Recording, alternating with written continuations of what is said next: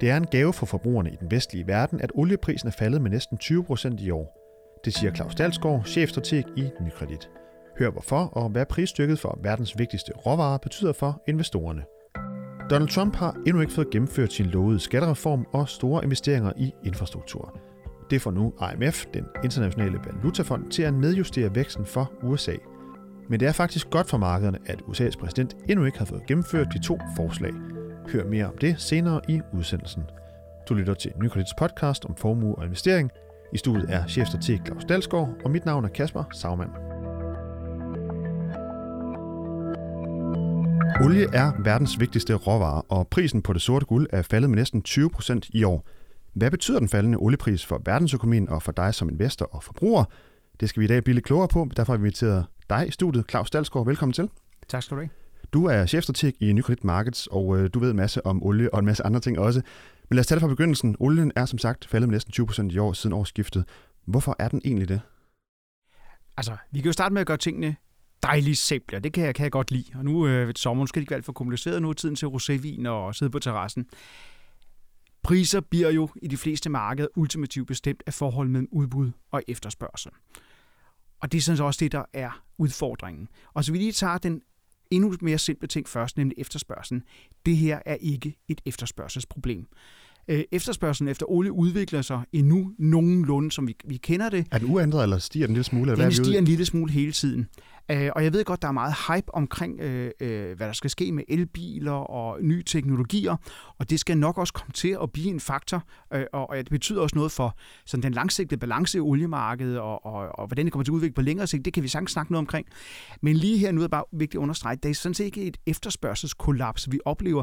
Det, der som problem er, at der bliver produceret for meget olie, lagerne er for store, og det som øh, OPEC øh, sammen med Rusland og, en række andre aktører har været i gang med, det er at sige, hvordan får vi genskabt en balance i oliemarkedet, sådan så vi ikke ligger og producerer mere olie, end, end der er brug for. Og derfor har man jo vedtaget, øh, øh, øh og nu senest forlænget, en, en øh, begrænsning i, i produktionen. Problemet er lidt bare, at man har ikke kontrol over markedet, som man havde i gamle dage. Der er simpelthen for mange, der ikke er omfattet af aftalen, som har undtagelsesbestemmelser, og så er der nogle store aktører, ikke mindst øh, USA, som man ikke øh, kan tage ed på det her. Så vi ligger stadigvæk sådan, at vi måske lige med det gode vilje være nærmere sådan en situation, hvor man ikke producerer mere olie, end man efterspørger, og så har vi bare nogle lager, som er svulmet op efter år, hvor man har simpelthen produceret for meget olie. Så essensen af det, der rammer oliemarkedet, også rammer det år, det er simpelthen, øh, at, at, øh, at der er for meget olie i markedet. Og hvem er det så, det øh, er vigtigt for, at olieprisen den udvikler sig på den her måde? Jamen, det er vigtigt for, jeg næsten sige alle. Og vi kan starte ud igen, hvis vi lige skal bare sådan være helt, helt navlebeskuende. Øh, Vi har to dieselbiler i min familie, og vi kører ret mange kilometer, fordi vi har langt på arbejde, og vi skal også nogle gange nogle andre ting. Så vi kører cirka 50.000 øh, km om året. De her dieselbiler, det er sådan nogle, der kører forholdsvis langt på literen. Men det fald, vi har haft siden øh, årsskiftet, betyder altså netto, hvis det holder året ud, at vi sparer cirka 2500 i, i, i brændstofudgifter. Så det er sådan bare en direkte effekt. Så det her er for alle de, øh, øh dem, der forbruger olie, jamen der betyder det simpelthen en lavere regning. Så man kan sige, hvis vi tager lidt på makroniveau, jamen så frigør det noget købekraft i, i de forbrugende lande. Det er meget de vestlige lande, øh, men også nogle i mødte markedslande, der for, øh, frigiver det simpelthen noget øh, potentiale for, for noget øvrigt forbrug. Så på den måde det er det vigtigt. Så er der selvfølgelig bagsiden af det. Hvad med dem, der producerer det her olie? Jamen de får så omvendt nogle lavere indtægter. Øh, og, øh, og det kan jo så ramme dem. Så vi ser jo, at øh, nogle af de mellemøstlige lande øh, har udfordringer, også fordi at deres valuta er bundet til dollar, så de, de kan ikke devaluere sig ud af problemet, at de simpelthen ikke har den købekraft, som de havde engang. Russerne øh, har jo haft lidt gavn af, at rublen sådan hvad for en længere periode er blevet noget sværere, så de øh, kan opretholde noget af det. Det går lidt bedre i, i russisk økonomi, som jo i høj grad afhængig af oliepriserne. Så der er sådan nogle makroøkonomiske forskydninger på det, men på, på, på, det, på det sådan basale niveau, så kan man sige, for forbrugerne i den vestlige verden, der er det her sådan en gave. Og hvad med, nu, er, nu snakker vi jo øh, meget investeringer og her i, i podcasten, hvad er sådan investeringsperspektiv? Hvem, øh, kan man sige, hvem er det godt for, hvem er det skidt for, at olieprisen er faldet med de knap 20 procent? De virksomheder, som ultimativt vil nyde godt af, at forbrugerne har nogle flere penge, som de kan bruge på nogle andre ting, de kan få en glæde af det. Så vil de øh, selskaber, som har et stort olieforbrug, øh, vil også have en fordel af det. Man skal være opmærksom på, at det her det er jo noget, der sådan er lidt symmetrisk, fordi at, at øh, er man i en branche, hvor alle bruger meget olie, øh, vi kan simpelthen til shipping som et eksempel, ja, man bruger en frygtelig masse olie til at stå på de her skibe, men, men så er det, det godt for alle. Det er jo lidt ens for alle, så, så det er ikke sikkert, at det, det laver så meget forskydende, men det er klart, at, at for flyselskaber, for, for, for transportselskaber, jamen der er klart, der giver det noget bundlinje øh, forbedring i det omfang, at konkurrenceevnen ikke gør, at de må, må sænke deres priser til, øh, til, til, til deres brugere. Ikke? Og jeg ved godt, at mange arbejder med brændstoftillæg til deres kunder, så på den måde så har man for år tilbage, dengang oliepriser var meget højt, der har man indført ligesom, at man siger, vi tager den ud af kabalen der, hvor vi siger, at vores, vores brugere, der bestiller de her fragtydelser, at de, øh, at de betaler sådan, tager risikoen på olieprisen. Øh, så de, de er dem, der gavn af det. Så omvendt kan man sige, at det er klart, at, at, øh, at, at taberne øh, er jo, er jo så dem, der producerer. Øh, vi er, øh, for for nylig har vi flyttet vores, vores anbefaling på energiselskaber fra undervægt, som har været ret godt kaldt, til neutral, udtryk for, at de har taget højde for de her lidt lavere oliepriser. Øh, jeg kiggede lige på sådan øh, bred øh, energiaktieindeks, ikke? og de er faldet relativt til det generelle aktiemarked med omkring 20 procent siden årets start. Så de har også taget nogle gevaldige klø, og vi synes ligesom, at valuation-mæssigt, der begynder man at sige, okay, hvor meget mere klø skal de have, og det afspejler også lidt, hvis vi kommer til at snakke omkring perspektiven for olieprisen fremadrettet. Det er ikke sådan, så vi er øh, meget, meget pessimistisk fremadrettet på, på olieprisen, at vi tror på stabile, stadigvæk forholdsvis lave øh, oliepriser fremadrettet, men ikke sådan på det sted kollaps øh, i olieprisen.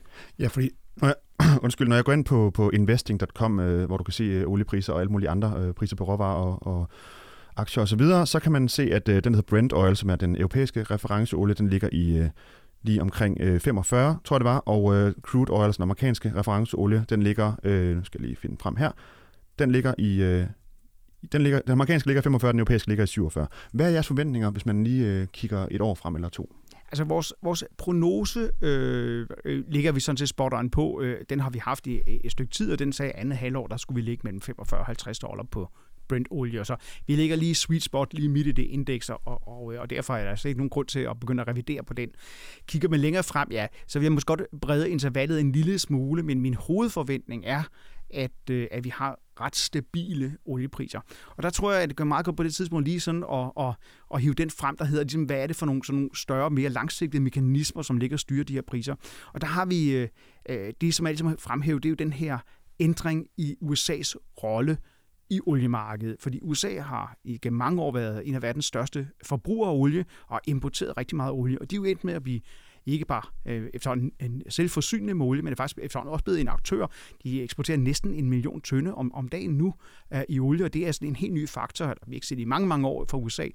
Og det er jo de her berømte øh, skiffer olieproducenter, som man snakker omkring. Øh, og de har den fordel frem for så mange andre typer olieproduktion, at de er enormt fleksible.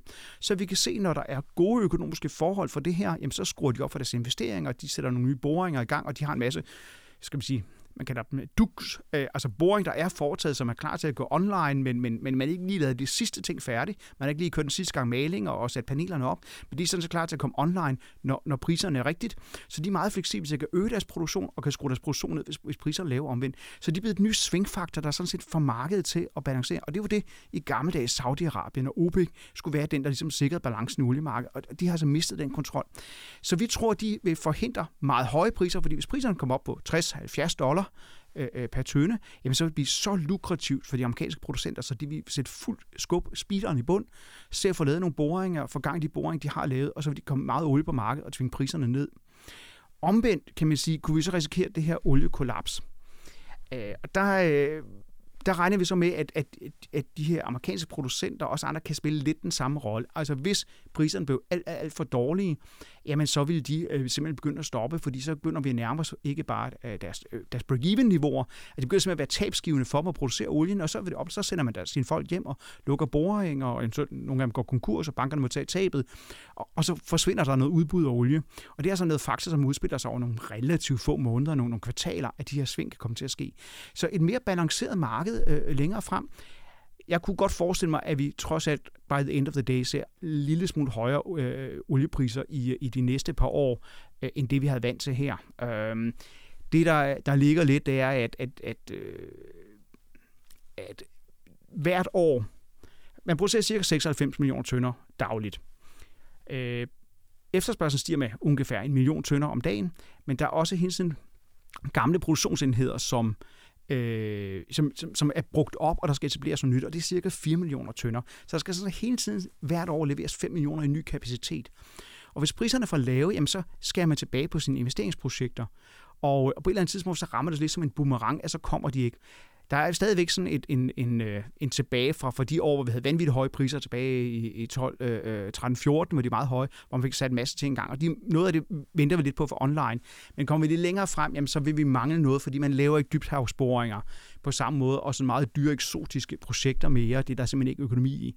Så, så jeg tror nok, at vi, vi kan forvente måske lidt, lidt stigende oliepriser, kan man sige, de kommende år, men inden for sådan et lidt snævert interval. Og ja, Claus, øh, nu skal vi snakke lidt om Donald Trump. Jeg står her med børsen fra i dag, og når jeg slår op på side 16-17, så overskriften hedder Trumps vilde håb om vækst er dødsdømt. Og øh, historien er simpelthen, at øh, Donald Trump jo har sagt, at han vil hæve væksten i USA til mellem 3 og 4 procent om året. IMF's økonomer de siger i en ny analyse, at de tror faktisk, at det vil falde til 1,7 procent over de kommende fem år. Og øh, ja, hvad siger du til, til den øh, vurdering? Altså bare lige kort indskudt bemærkning. Det er jo fordi, skriver IMF, at de, øh, Donald Trumps store planer om stor skattereform og infrastrukturinvesteringer har vi ikke rigtig set realiseret nu, og det er heller ikke som om, at det er noget, der er lige for. Øhm, hvad tænker du? Øh, har, har Donald Trump skudt over målet med, med de her, øh, med de her 3-4% i vækst? Ja, det har han faktisk. Vi har i vores vurdering af amerikansk økonomi ikke sådan for alvor lagt nogen kæmpe øh, Trump-effekt øh, ind. Men, øh, men, men det kunne sagtens være, at vi også kommer til at, øh, at tage lige sådan toppen af, af vækstforventningerne på amerikansk økonomi. Nøgletalen på sidst har heller ikke været så øh, super konstruktiv.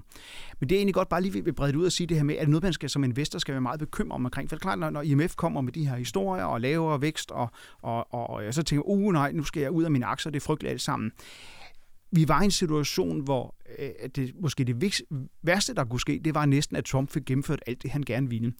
Når jeg, tænker, når jeg tænker omkring amerikansk så tænker jeg jo en meget moden økonomi, som egentlig arbejder tæt på sin kapacitetsgrænse. Ja, de har meget lav arbejdsløshed. Meget tæt på fuld beskæftigelse, og, og, og det går jo ind, de har, har jo et efterhånden historisk langt opsving. Ikke så voldsomt opsving som set tidligere, det er mere robust, selvbærende opsving, men, men der har været et langt, øh, solidt opsving, de har været i gang i. Og var det der, hvor man havde brug for at, at så give økonomien EPO? Det synes vi jo ikke. Altså i hvert fald i sådan økonomiske termer, så er det lidt farligt på, på, på toppen af konjunktur, og så ligesom vil øh, tvangsmodne øh, den her økonomi yderligere. Så havde man gennemført store øh, ufinansierede øh, øh skattelettelser, store infrastrukturinvesteringer, offentlig hjemsende arbejdskraft, øh, og alle de her ting, som, som har været i, i, på, på Trump-agendaen, jamen så vil man, øh, så vil, der, i og for sig kunne alle tingene være gode nok, men det er bare komme på det pløk forkerte tidspunkt i forhold til konjunkturcyklen. Altså reformer er der nogle gode ting at være. Det kan også være godt nogle gange at stimulere og sætte gang i økonomien. Det gør man, når økonomien er, er i knæ. Det gør man ikke, når økonomien er sådan boomer af. Så det var egentlig en farlig taktik, så derfor er det, jeg er ked at sige, næsten en lykkelig begivenhed, at Trump måske ikke kommer igennem med det hele. Jeg kunne godt håbe, at noget af det, der ville overleve, det var at rydde op i noget byråkrati, fordi det er voldsomt kompliceret at drive forretning i USA. De har mange, mange byråkratiske ting. Øh, måske lidt deregulering kunne være en god ting man skulle nok også kigge, kigge på, hvis man kunne komme til det, måske at sanere en lille smule i skattesystemet. Ikke nødvendigvis med en stor underfinansieret øh, øh, skattereform, men i hvert fald kigge på noget kompleksiteten i skattesystemet. Så der kunne være mange ting, som kunne være gode at kigge på. Men det her med bare at pumpe penge ud, tvangsmod økonomien, svinge væksten op på 4%, som Trump har sagt, han gerne ville, øh, det var ikke nogen lykkelig begivenhed. Det var en ulykkelig begivenhed. Men omvendt, så kan man jo også sige, at øh, der har i hvert fald været meget snak om, at de her skattereformer og infrastrukturinvesteringer er noget, som investorerne har... Øh, det er noget af det, der har skabt en optimisme, som har gjort, at aktierne just steg øh, omkring valget af Trump og efter valget af Trump, fordi man, man, han ville ud og, og stimulere økonomien. Der er i hvert fald nogen, der har, har set det som nogle positive ting. Øh, men nu når de her ting så ikke bliver realiseret lige forløb i hvert fald, tror du så, det kan betyde, at nogle af investorerne måske øh, trækker lidt penge ud af markedet? Vi ser en anden form for korrektion, eller hvad tror du? Det er i hvert fald en af begrundelsen til, at vi er neutral på aktier. Øh, og det er måske meget værd lige at, at hive frem, at, at, øh, at vi er nogenlunde komfortabel med markedet, men det er ikke sådan, så vi anbefaler en stor overvægt i aktier, og det har vi ikke gjort i et, et, et godt stykke tid. Og det er netop ideen omkring, at vi synes, at, at forventningerne til Trump var skruet for højt op, og det var ikke realistisk, at man kom til at levere det. Øh, vi skal næsten ikke starte ud og snakke omkring amerikansk politik, fordi det er virkelig kompliceret, men, men jeg vil sådan tro mig på, at amerikansk politik er en meget kompleks sag. Og det her med at køre de her agendaer igennem, selvom man har flertal i begge kammer, er meget, meget kompliceret, og, og nogle øh, øh, lytterne vil måske også øh, have set i medierne, at her, man har jo udskydet endnu en gang faktisk vedtagelsen af at, at, at, at, at, at trække Obamacare tilbage. Så på trods af, at man har flertal i begge kammer, på trods af, at man i syv år har råbt og skrevet for et republikansk parti omkring Amy Obamacare, kan man altså ikke få det igennem kongressen. Det siger bare om, hvor svært det er at lave politik i Washington, også med et flertal. Vi kommer helt sikkert til at følge mere med i amerikansk politik her i podcasten fremover, men tak fordi du var med den her gang, Claus Dalsgaard i hvert fald. Du har lyttet til Nykredits podcast om formue og investering. Du kan følge podcasten hver uge på nykredit.dk eller iTunes, SoundCloud, Stitcher og TuneIn. Tak fordi du lyttede med.